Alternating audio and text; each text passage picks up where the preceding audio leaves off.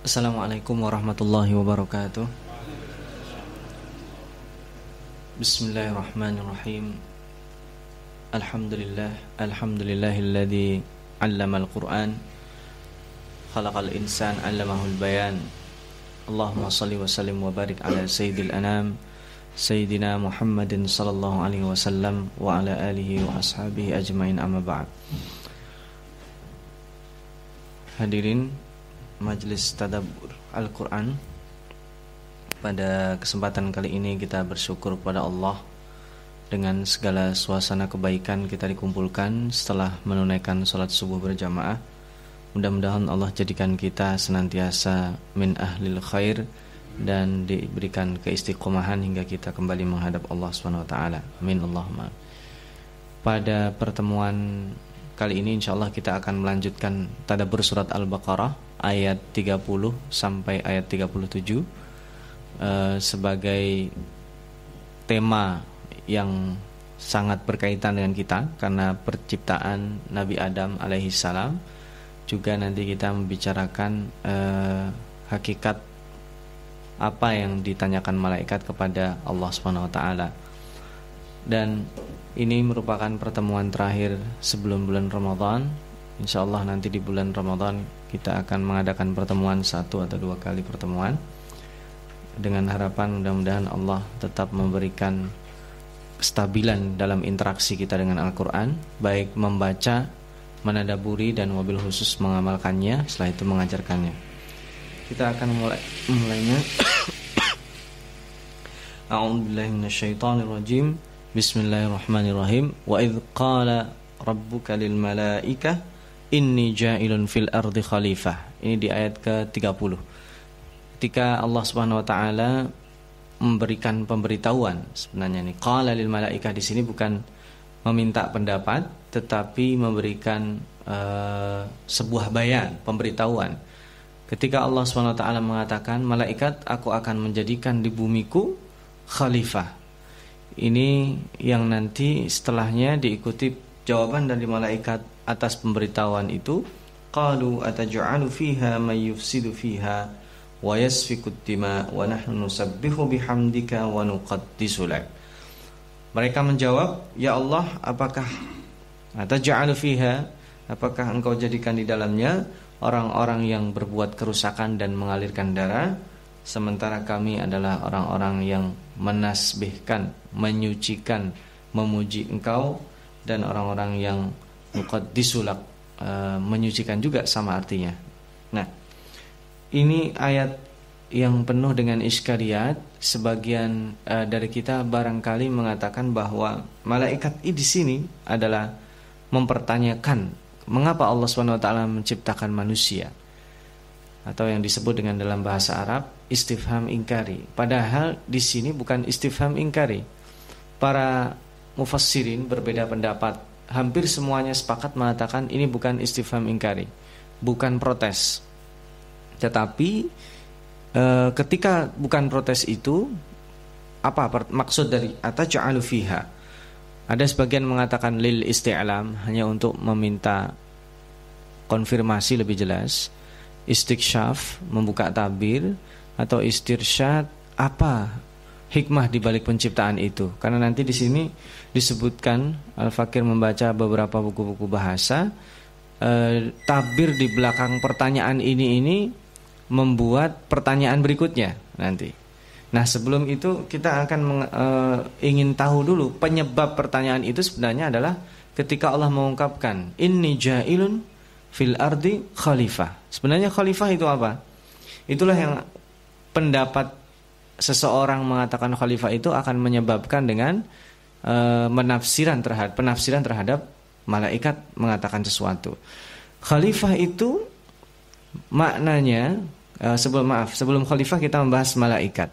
Malaikat itu dikaji secara bahasa banyak, e, mungkin kita tidak konsentrasi ke sana. Intinya bahwa malaikat adalah makhluk Allah Subhanahu wa taala yang bukan manusia, bukan juga jin, dia adalah jenis malaikat lain, jenis makhluk lain yang diciptakan Allah dari cahaya. Nah, malaikat ini sudah ada tentunya sebelum manusia dan sebelum jin menurut jumhur uh, ulama. Nah, ketika dikatakan ini jailun fil ardi khalifah, mereka mengetahui makna khalifah itulah yang menyebabkan pertanyaan ini. Makanya khalifah itu menurut Muhyiddin Darwis yang dikutip di dalam buku Irabul Quran beliau, khalifah itu adalah orang yang dipercaya menengahi sebuah kasus pertikaian. Nah, itu makna khalifah itu kayak di dalam istilah kita itu wakil. Wakil apa? Ternyata wakil itu adalah wakil untuk menyelesaikan kasus menurut sebagian maknanya. Maknanya banyak di situ. Nanti kita akan membahasnya. Nah, pemahaman malaikat terhadap kata-kata khalifah itulah. Loh, memang nanti di sana akan banyak orang bertengkar. Atau ja'al fiha man yufsidu fiha. Nah, berarti akan ada pertengkaran di sana. Apakah engkau jadikan orang-orang yang seperti itu khalifah? Padahal memang sebagian nanti di antara manusia itu ada yang bertengkar, ada yang menyukai pertumpahan darah, ada yang menyukai kerusakan. Tetapi di antara mereka ada yang dijadikan Allah SWT sebagai khalifah. Nah, itu secara bahasa. Nah, khalifah sendiri adalah artinya imaratul art, memakmurkan bumi Allah. Jadi kata-kata pemakmuran bumi itu kita uh, beda dengan pemahaman dulu dalam bahasa Arab itu ada istimar. Makanya dulu ketika para penjajah itu menjajah negara-negara berkembang disebut dengan istimar itu salah. Istimar itu adalah koloni ketika menjajah sebuah kampung, ketika dia masuk di situ maka menjadi lebih makmur. Makanya di dalam bahasa Futuhat Islamiyah ketika mendakwahkan Islam itu tidak digunakan kata-kata itu. Meskipun itu hakikatnya istimar, imaratul ardi. Tetapi makanya kemudian istilah yang dipakai untuk penjajahan itu ihtilal. Menduduki tempat. Jadi dia kepada fisik. Padahal pendudukan tempat itu tidak identik setelah dia duduki dia menjadi lebih baik. Rata-rata penjajahan itu mengakibatkan keburukan. Nah, orang ingin menyamakan apa yang dilakukan negara-negara modern itu sama dengan futuhat Islamiyah dulu. Ketika Islam masuk ke Persia, ketika Islam masuk ke wilayah Romawi, membuka Konstantinopel, itu sama yang dilakukan oleh Inggris, Prancis menjajah negara-negara berkembang. Padahal itu tidak sama. Maka khalifah di sini intinya adalah keinginan Allah diterjemahkan oleh sesama manusia di bumi untuk memelihara bumi dan isinya. Itu khalifah artinya sangat luas dan banyak tetapi kita perlu tahu kalau seandainya malaikat tidak tahu khalifah dia pasti bertanya ini jailun fil ardi khalifah? Malaikat akan bertanya apa itu khalifah? Dan kita harus tahu malaikat itu diformat bukan untuk bertanya tapi untuk melakukan. Malaikat yang tugasnya dia mencabut nyawa sampai hari kiamat tugasnya itu saja. Malaikat yang ditugaskan bersujud hanya untuk itu Malaikat yang ditugaskan membagi rizki hanya untuk itu. Malaikat yang ditugaskan hanya meniup sangkakala hanya itu tugasnya. Maka mustahil malaikat yang tidak diformat untuk menyimpan memori kemudian bertanya, bahkan di sini memprotes, berarti pengetahuan itu sudah sampai kepada malaikat. Lalu muncullah pertanyaan itu, ataju'alu fiha man yufsidu fiha? Apakah engkau jadikan orang yang berbuat kerusakan di dalamnya? Itu tadi sudah kita katakan. Nah, kalau bukan istifham ingkari, bukan protes, apa ini artinya? Nah, ada yang menafsirkan menarik. Uh, saya Al-Fakir lebih lebih nyaman ketika membahas apakah Anda menjadikan di dalamnya man yufsidu fiha wa man la yufsidu fiha? Anda jadikan ada orang yang merusak dan ada orang yang tidak merusak. Jadi di di situ disimpan dan itu tidak masalah di dalam bahasa itu ada penyimpanan seperti itu. Ada yang katakan engkau jadikan orang yang baik dan buruk sehingga masing-masing nanti terjadi pertikaian. Itulah disebut dengan fungsi khalifah. Ya atau juga di, di situ disebut atau ja'alu fiha man yufsidu fiha au man la yufsidu fiha. Sifatnya pertanyaan. Yang kau jadikan khalifah itu siapa? Orang yang berbuat kerusakan itu sumbernya atau orang yang tidak berbuat kerusakan Bentuknya pertanyaan. Atau juga istiqsaf, apa hikmahnya? Hikmah engkau jadikan di bumimu itu khalifah. Tujuan untuk adanya khalifah itu apa? Kalau tujuannya adalah untuk beribadah, maka jawabannya adalah nahnu. Kami sudah melakukannya. Dan ini pertanyaan bukan pertanyaan menyombongkan diri. Nah kan sebenarnya tidak selamanya ya ketika kita mengatakan apa tujuan Anda kalau misalkan saya seorang guru kemudian kepala sekolah mendatangkan guru lain. Loh, apa tujuan Anda mendatangkan guru? Kalau untuk mengajarkan bahasa Arab, insya Allah saya bisa. Itu bukan berarti jangan diartikan protes. Dia hanya bertanya, loh saya kan sudah mengajar. Kalau itu pertanyaannya adalah untuk istiksyaf, tidak ada masalah. Itu tidak ada masalah. Oh, pengajaran bahasa Arab yang saya inginkan itu ada tambahan. Tidak cukup diemban dengan satu guru saja. Maka didatangkan guru yang lainnya. Maka itu juga demikian. Jika yang Anda inginkan adalah khalifah itu adalah untuk menyembahmu, maka kami sudah melakukan itu. Tapi apa kata Allah? Qala inni a'lam. Sesungguhnya aku maha tahu dari apa yang engkau sebutkan itu tidak apa-apanya yang yang aku inginkan. Jadi ini kalau kita menafsirkan demikian, kita tidak terpancing dengan framing atau e, pembentukan opini bahwa malaikat itu dicitrakan memprotes. Karena bisa juga kalau kita baca seperti itu, tiba-tiba malaikat bertanya, "Loh, kenapa Anda ciptakan orang yang berbuat kerusakan?" Padahal kita tidak tahu apa arti dari siagatul Quran itu. Jadi kita lebih nyaman mengatakan ini adalah lil isti'lam untuk meminta tahu lil ilmi, tolabul ilmi. Maksudnya apa maksud Anda? Ya Allah menciptakan khalifah atau lil istiksyaf untuk membuka tabir sebenarnya di balik penciptaan manusia sebagai khalifah itu ada apa? Maka Allah mengatakan qala inni a'lamu ma la ta'lamun. Saya bukan lebih tahu, maha tahu, tahu segala-galanya terhadap yang akan saya ciptakan. Lalu langkah pertama dan di sini yang menarik wa 'allama Adam al-asma kullaha. di sini Allah mengajarkan nama-nama dan itu nanti naturalnya seseorang yang anak-anak kita yang baru lahir hal yang pertama dipelajari itu adalah nama-nama. Nama bapaknya, nama ibunya, nama benda di sekelilingnya, baru kata kerja kata sifat dan berikutnya. Rangkaian kata itu yang pertama pasti kata benda. Dan itu juga yang diajarkan Allah kepada Nabi Adam. Terlepas dari berbagai pendapat perbedaan asma di sini apa? Apakah nama-nama Allah? Apakah nama para nabi yang nanti akan datang setelahnya? Apakah nama malaikat? Itu semuanya kita tidak bisa memastikan karena kalau kita jadikan satu sudut pandang tertentu maka akan menghilangkan pendapat yang lainnya. Jadi nama-nama yang itu kelebihan manusia bisa merekamnya. Yang menarik, thumma aradohum alal malaikah. Nah, kalau ibarat kata malaikat itu di format terbatas, kemudian di situ diuji tes. Dan kata Allah, qala ambiuni bi asma'i haula in kuntum shadiqin. Sekarang kamu kasih tahu nama-nama itu. Jadi di sini aradohum Hum itu menandakan berarti bukan hanya benda mati, bisa jadi kemudian diketengahkan di depan malaikat. Ini apa? Oh ini bumi. Ini apa? Oh ini jin. Ini apa? Ini binatang fulan. Ini binatang A. Ini binatang A. Binatang B. Binatang C. Itu ketika dites itu Adam sanggup nantinya. Sementara malaikat tidak bisa.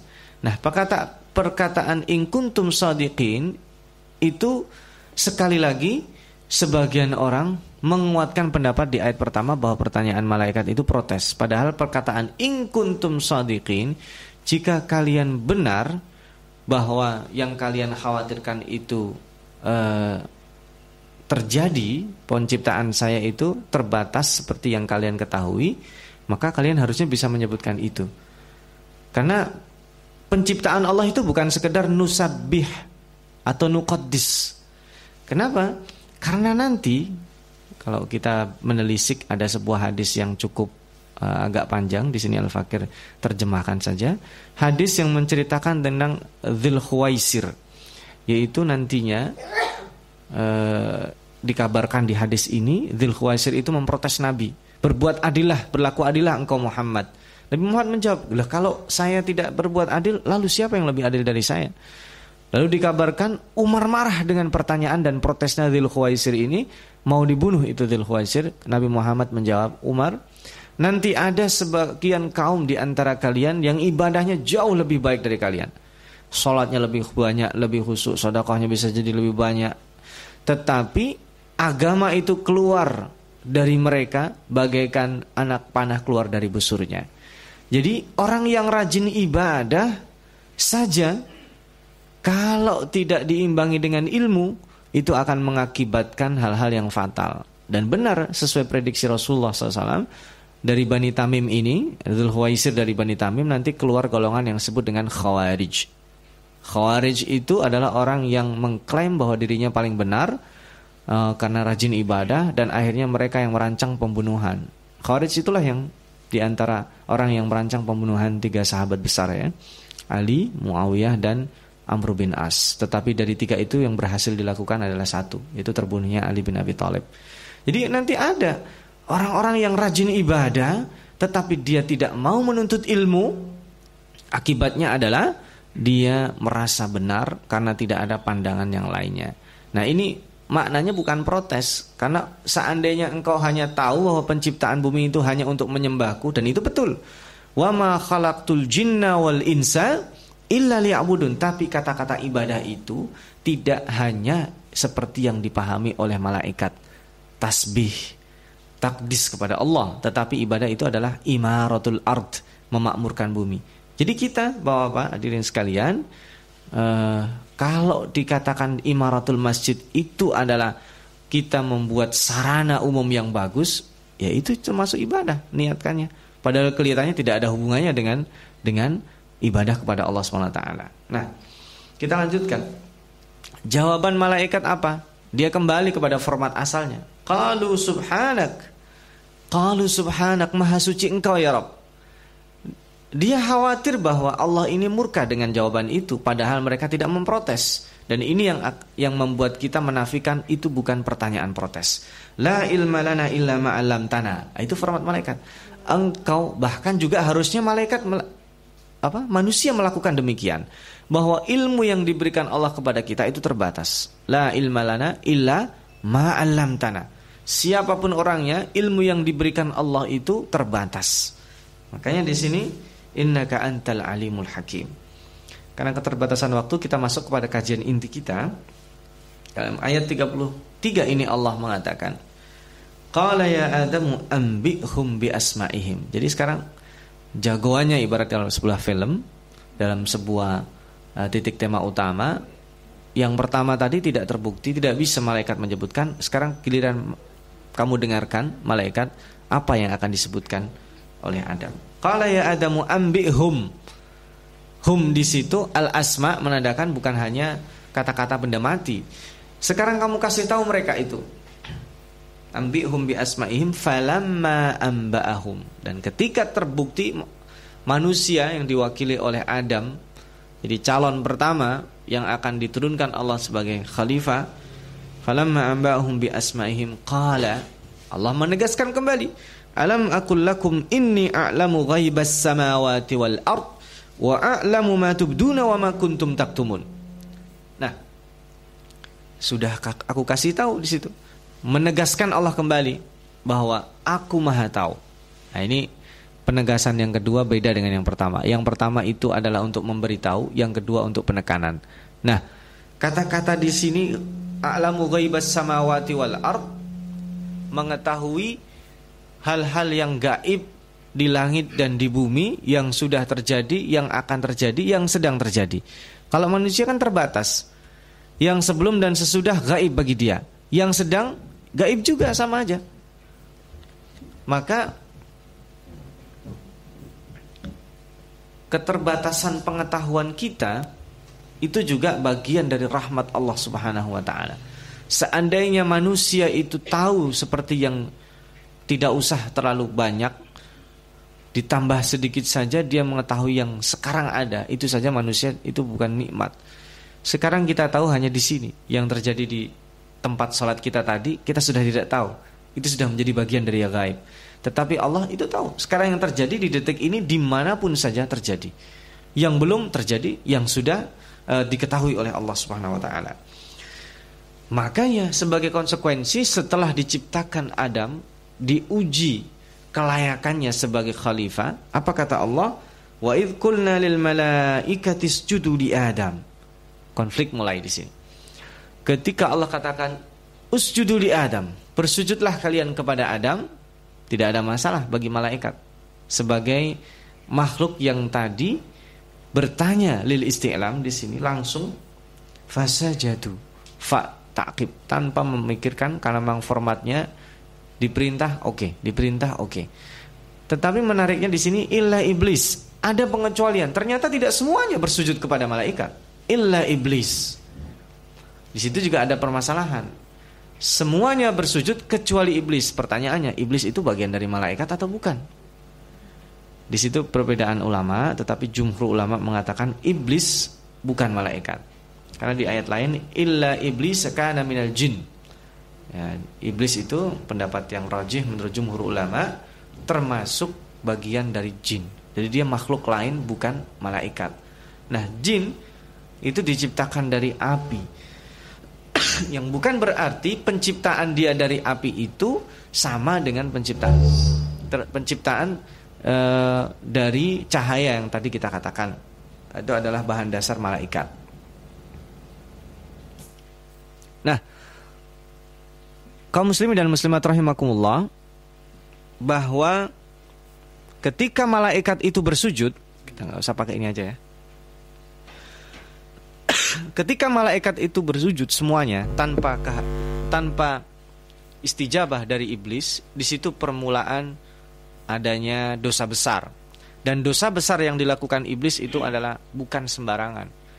Boleh jadi dan itu memang terjadi ya iblis itu dia taat kepada Allah, mengakui Allah sebagai Tuhannya. Tetapi permasalahannya adalah karena iblis tidak taat. Jadi nanti kita jangan sampai mengatakan bahwa uh, kita lebih baik dari iblis, orang-orang di antara manusia itu lebih baik dari iblis itu karena uh, dia lebih santun. Padahal iblis kalau dilihat dari bahasa pertamanya dia santun. Kenapa nanti dalam dialog di dalam surat Al-A'raf itu lebih detail. Di sini tidak dijelaskan. Iblis itu masih punya etika dia menyembah Allah tapi tidak mau me, uh, mengakui keunggulan makhluk lain. Nah, itu kesombongan di dalam hati itu itu adalah titik yang akan menyebabkan seseorang nantinya akan menjadi besar dan dia menjadi Tuhan. Karena kesombongan itulah Firaun mengaku Tuhan, karena kesombongan itulah Namrud mengaku Tuhan dan manusia yang sombong itu adalah musuh Allah Subhanahu wa taala. Maka di sini ketika fase jadu illa iblisa itu mulai uh, terlihat bahwa nantinya di dalam bukan hanya dari makhluk-makhluk yang ada, manusia pun nanti akan ada. Tadi kata-kata khalifah yang difahami malaikat kan ada yang baik, ada yang buruk. Yang kamu jadikan khalifah yang mana? Yang baik atau yang buruk? Nah, nanti pun malaikat ketika e, manusia ketika dicipta Allah di bumi, itu nanti juga demikian. Ada yang baik, ada yang buruk. Yang jadi khalifah tentunya adalah yang memenuhi syarat itu. Jadi khalifah tidak semua. Aba Jadi kata-kata Aba wastakbar. Aba itu Dia Mengingkari. Jadi kalau kita aba itu Ayo menghadap ke kanan Dia ke kiri Itu aba Wastakbar Menghadapnya ke kiri bukan karena dia nggak tahu. Dia sudah tahu harusnya menghadap kanan. Jadi berat kata gini saya kasih tunjuk kamu rumah yang kamu tuju itu nomornya 20. Nah, dia ternyata nggak mau masuk nomor 20. Masuknya nomor 19 atau 21. Kalau dia masuk nomor 19 atau 21 karena mirip, itu bukan aba. Jadi dia emang tidak mau ditambah wastakbar, merasa oh nggak layak ini saya sujud. Jadi ada dua di situ. Aba wastakbar. Saya tidak mau sujud ya Rob. Mau ditanya, nggak mau sujud kenapa? Karena harusnya dia tahu bahwa di Adam adalah simbol di situ penciptaan Allah dan ketaatan kepadanya itu dengan sujud. Ketika tidak mau itu disebut aba. Wastakbar Karena dikatakan nanti di ayat-ayat lain itu ana khairum minhu, khalaqtani min nar wa khalaqtahu min tin. Loh, gimana saya sujud kepada makhluk yang kau ciptakan dari tanah? Saya lebih baik kau ciptakan dari api. Nah, itu disebut dengan istikbar, lebih baik dari orang lain. Makanya kesombongan itu bisa uh, bermula Maaf kita pakai ini aja biar konsentrasi ya. E, kesombongan itu bisa bermula ketika kita mengatakan saya lebih baik dari orang lain meskipun itu dalam hati. Kalau diucapkan itu sudah uh, sudah permusuhan. Ketika kita melihat orang banyak orang sholat, oh sholat saya lebih baik. Orang baca Al-Quran, bacaan Quran saya lebih baik. Orang ber, e, bersedekah, sedekah saya malah lebih berkualitas. Jadi semua yang dilakukan orang itu kalau kita komentari meskipun di dalam hati itu sudah disebut dengan istikbar. Ini perasaan lebih baik dari dari orang lain. Itu adalah penyakit turunan dari dari jin ini, dari iblis itu. Nah, sementara sampai di situ yang ketiga, menariknya Allah mengatakan wa kana minal kafirin. Tidak menyukuri nikmat yang diberikan Allah SWT itu disebut dengan kafir. Dan kafir di sini Bukan sekedar kafir, yang paling besar kekafiran itu menyebabkan kita dikelompokkan kepada orang-orang yang menyekutukan Allah. Nah, itu yang harus kita kita pahami bahwa kan sering mengatakan ah nggak apa-apa kufur nikmat kufur nikmat. Terakumulasi bisa menyebabkan kita termasuk golongan orang-orang yang menyekutukan Allah swt. Jadi kita jangan meremehkan loh. Apa sih yang menyebabkan iblis itu langsung terfonis bahwa iblis itu nanti terfonis sebagai uh, makhluk Allah yang akan di dimasukkan neraka pertama kalinya. Ya, itu kan karena dosa tadi itu, dosa kesombongan. Nah, kembali setelah setelah Allah muliakan Adam secara personal, dia lebih baik di situ dari jin yang tentunya karena memusinya dan dari malaikat makhluk Allah yang taat. Karena apanya? Karena ilmunya di situ dan ilmu siapa yang beri? Allah Subhanahu wa taala yang menghendaki nantinya ada khalifah di buminya. Allah muliakan Adam. Wa qulna ya Adam uskun anta wa zaujukal jannah. Adam, kamu tinggal di surga bersama istri kamu. Nah, di sini ada masalah lagi. Surga yang dijadikan tempat tinggal Nabi Adam itu apakah surga yang di langit atau di bumi? Nah, ini ada permasalahan lagi. Jumhur ulama mengatakan banyak ya mengatakan ini di langit. Tapi tidak sedikit yang mengatakan ini di bumi. Kenapa? surga yang dijadikan tempat tinggal Adam itu tentunya bukan surga yang akan diberikan kepada orang-orang nanti. Karena di sana nanti orang-orang yang akan diberikan nikmat Allah Subhanahu wa taala itu surganya adalah mala ainun ra'at wala udunun samiat wala khatara ala qalbil bashar. Surga yang dijanjikan itu kenikmatannya belum pernah terbayangkan, terlihat atau terdengar. Lah sementara ini Adam sudah diberikan fasilitas itu. Istilahnya kan ibarat rumah ini sudah rumah bekas gitu. Betul kan? Nah, makanya lalu ada iskaliat. Ada uh, para ini ya kalau disebut dengan tafsir Isyari mengatakan itu adalah dikatakan surga adalah surga yang bukan se, meskipun bukan sesungguhnya disebut dengan jannatu uh, al-azali, al-jannah al-azali. Artinya apa? Yang memasuki ke sana ruhnya saja. Ada yang mengatakan demikian. Oh tidak, ada ada yang memprotesnya bahwa Adam itu hanya sekedar sebuah tempat yang nantinya disediakan oleh Allah untuk orang-orang soleh ketika dia meninggal. Ketika dia meninggal, seseorang orang yang soleh meninggal disebut mendapatkan nikmat kubur. Nah, nikmat kubur itu hakikatnya di mana? Itu yang disebut dengan surga. Kan tidak mungkin katakan nikmat kubur ada di dalam tanah, itu kan fisiknya.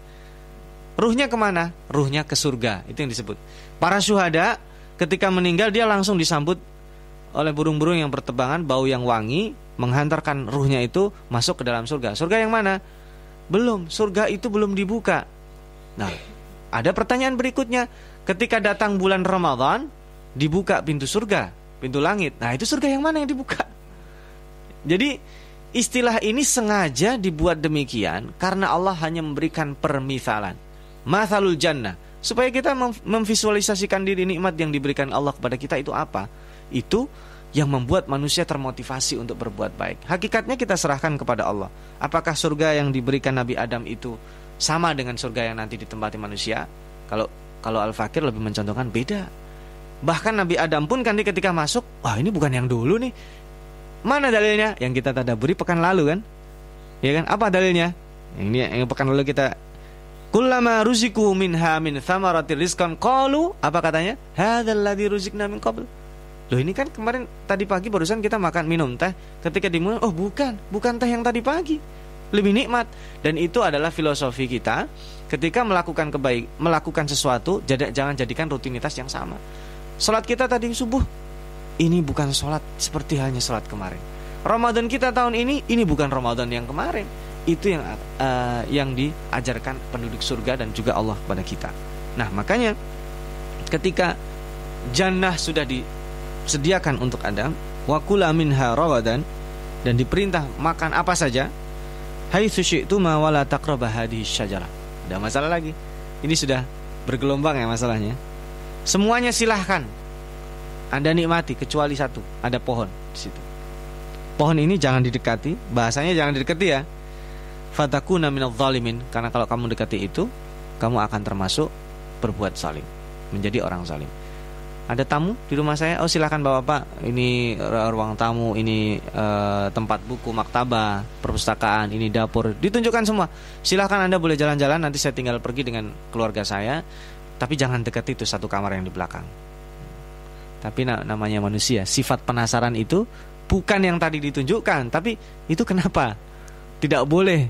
Saya tahu. Itu sifat penasaran manusia. Dan bisa jadi itu sengaja Allah ciptakan untuk menguji kesabaran manusia. Jadi sebenarnya kita menguji orang pun juga demikian, menguji loyalitas seseorang ketaatan kepada Allah SWT. Dan itu juga Allah lebih tahu bahwa Adam nantinya tidak akan berhasil ditambah dengan bisikan setan.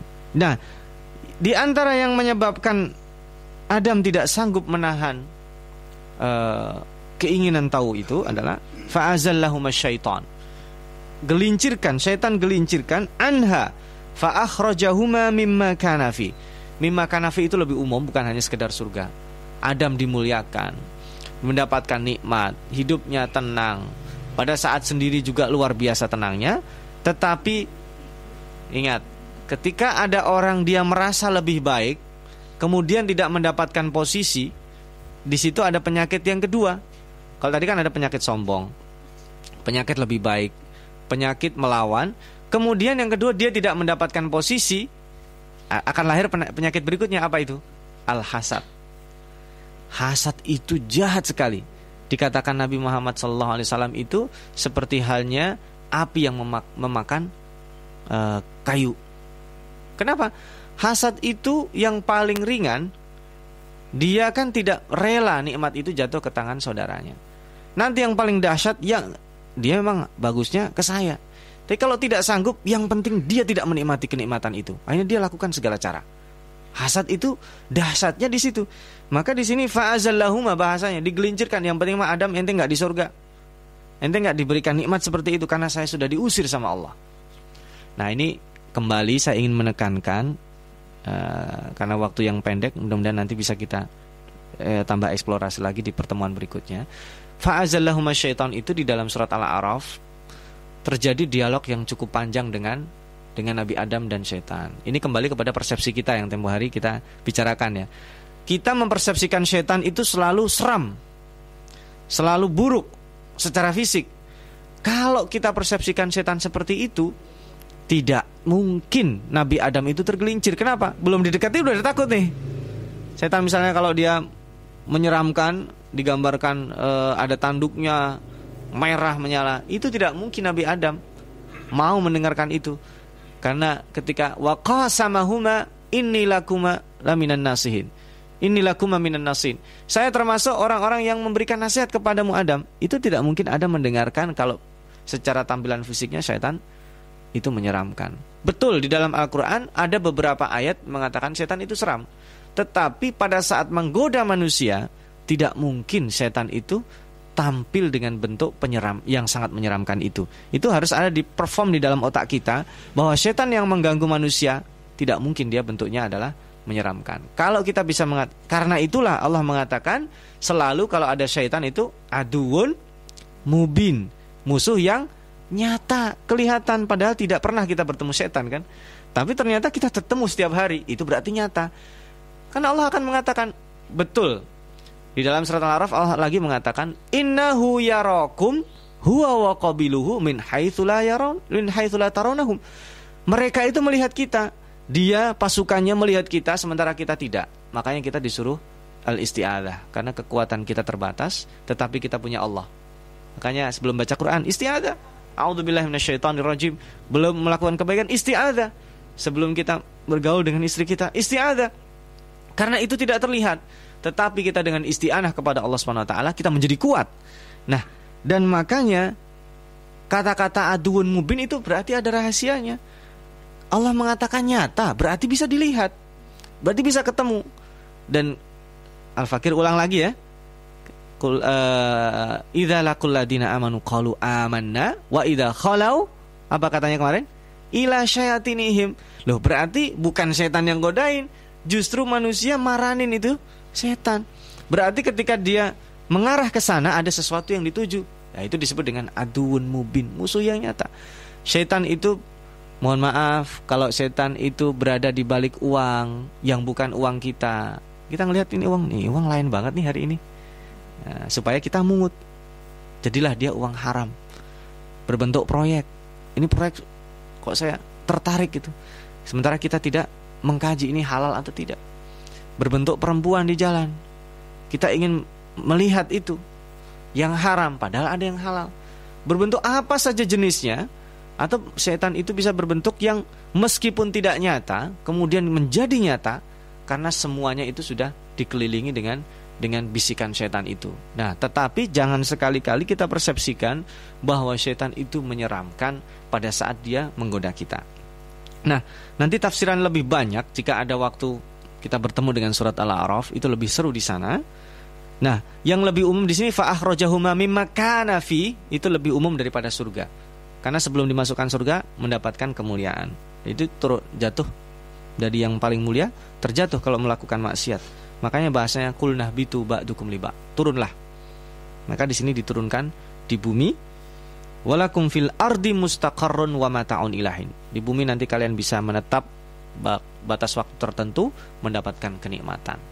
Nah, Pertemuan ini ditutup dengan ayat 37 kita akan membahas fatalaqa Adam min rabbih kalimatin fataba alaih innahu huwat tawwabur rahim. Allah mengajarkan kalimat-kalimat taubat yang dalam surat Al-A'raf e, termaktub dengan jelas Rabbana dzalamna anfusana wa illam taghfir lana wa tarhamna lanakunanna minal khasirin. Itu kalimat sakti atau yang senada dengan itu pengakuan terhadap kezaliman yang kita akui kita melemahkan diri kita di depan Allah Subhanahu wa taala maka kita akan menjadi kuat. Dan itu nanti dalam surat Toha fa'asa adamu rabbahu faghawa. Al, di situ kata-kata yang disebut dalam surat Toha itu dahsyat. Maksiat faghawa. Itu maksiat yang sangat dahsyat sekali. Tetapi fajtabahu rabbuhu. Allah justru pilih setelah bermaksiat itu dengan catatan seseorang kalau mampu dan mau dia memperbaiki diri. Jadi Adam itu justru fungsi khalifah yang tadi dibangga-banggakan di depan malaikat. Yang malaikat sempat bertanya, "Loh, ada apa ini?" Itu terjadi setelah maksiat ini. Bukan maksiatnya, tetapi setelah Adam kembali kepada nilai fungsi awal yang memuliakan dia. Itu apa? Dia tahu ini kesalahan, segera perbaiki diri. Dan itulah sifat dasar manusia. Manusia itu dia menjadi hebat bukan ketika dia tracknya bagus aja terus. Bisa jadi pada saat dia kemudian tergelincir, perbaiki itu adalah tolakan yang lebih besar dari itu. Ada Umar, siapa yang tidak tahu Umar masa lalunya, tapi masa lalunya itu terkubur dengan prestasinya. Ada Khalid bin Walid, siapa yang tidak tahu masa lalunya Khalid bin Walid, prestasinya itu mengubur masa lalunya yang buruk. Bahkan hampir semua manusia, siapa pun orangnya, hanya Nabi saja yang maksum dari perbuatan dosa besar. Hanya Nabi saja yang dikatakan maksum. Jadi kesalahan yang dilakukan seorang Nabi itu kesalahan yang tidak melukai misi risalahnya. Kesalahan-kesalahan kecil itu wajar. Tetapi selain Nabi Muhammad dan para nabi yang lainnya itu tidak maksum melakukan kesalahan. Tetapi tidak bukan berarti orang-orang yang tidak maksum itu tidak bisa intilak menjadi manusia-manusia yang baik. Nah, e, sampai di sini insya Allah kita akhiri tadabur ini dengan e, sebuah kesimpulan penciptaan Adam yang tanpa melalui siapa-siapa karena dia adalah makhluk yang pertama kali yang seharusnya kita urai karena keterbatasan waktu tidak ada uh, dari tanah nanti di yang secara fisik bentuknya seperti apa itu nanti kita urai lebih lanjut. Nah, itu adalah fungsi Allah Subhanahu wa taala memuliakan ketika dia langsung. Maka kalau kita ingin mendapatkan sentuhan-sentuhan langsung itu sudah ada aturannya, lakukan kebaikan, perbanyak ibadah sunnah, maka kuntu sam'ahul ladi. Nah, jadi Allah menjadi pendengaran yang yasma'u yang Allah yang Allah bisa berfungsi langsung menolong pendengaran kita, penglihatan, tangan kita, maka ketika sentuhan itu menjadi langsung, kita akan menjadi lebih mulia uh, dari hanya eh, makhluk-makhluk uh, seperti malaikat saja. Itu yang mungkin uh, bisa Al-Fakir sampaikan. Uh, mudah-mudahan di pertemuan yang akan datang kita akan uh, melanjutkan uh, apa misi khalifah yang dibawa Nabi Adam dan keturunannya dan bagaimana apakah ada rekonsiliasi antara jin dan manusia yang kemudian sejak saat itu bermusuhan dan di mana posisi malaikat yang dia netral di situ sebenarnya. Karena malaikat itu tidak mendapatkan tambahan informasi dia tidak bisa memilih. Bahkan dalam kasus-kasus tertentu malaikat itu tidak bisa membedakan uh, dia hanya menilai secara zahir saja. Nah, mudah-mudahan kajian uh, kita di akhir bulan Syaban ini membuka kita untuk semakin dekat dengan Al-Qur'an sehingga uh, pengamalan-pengamalan yang kita lakukan di bulan Ramadan dan juga bulan-bulan yang lainnya itu berdasarkan uh, atas ilmu dan juga hidayah yang diturunkan Allah Subhanahu wa taala kepada kita. Marilah uh, kita tutup uh, kajian kita pada kesempatan kali ini dengan membaca doa kafaratul majlis. Subhanakallahumma bihamdik asyhadu an la ilaha illa anta astaghfiruka wa atubu ilaik. Kurang lebihnya mohon maaf jazakumullah khairan. Wassalamualaikum warahmatullahi wabarakatuh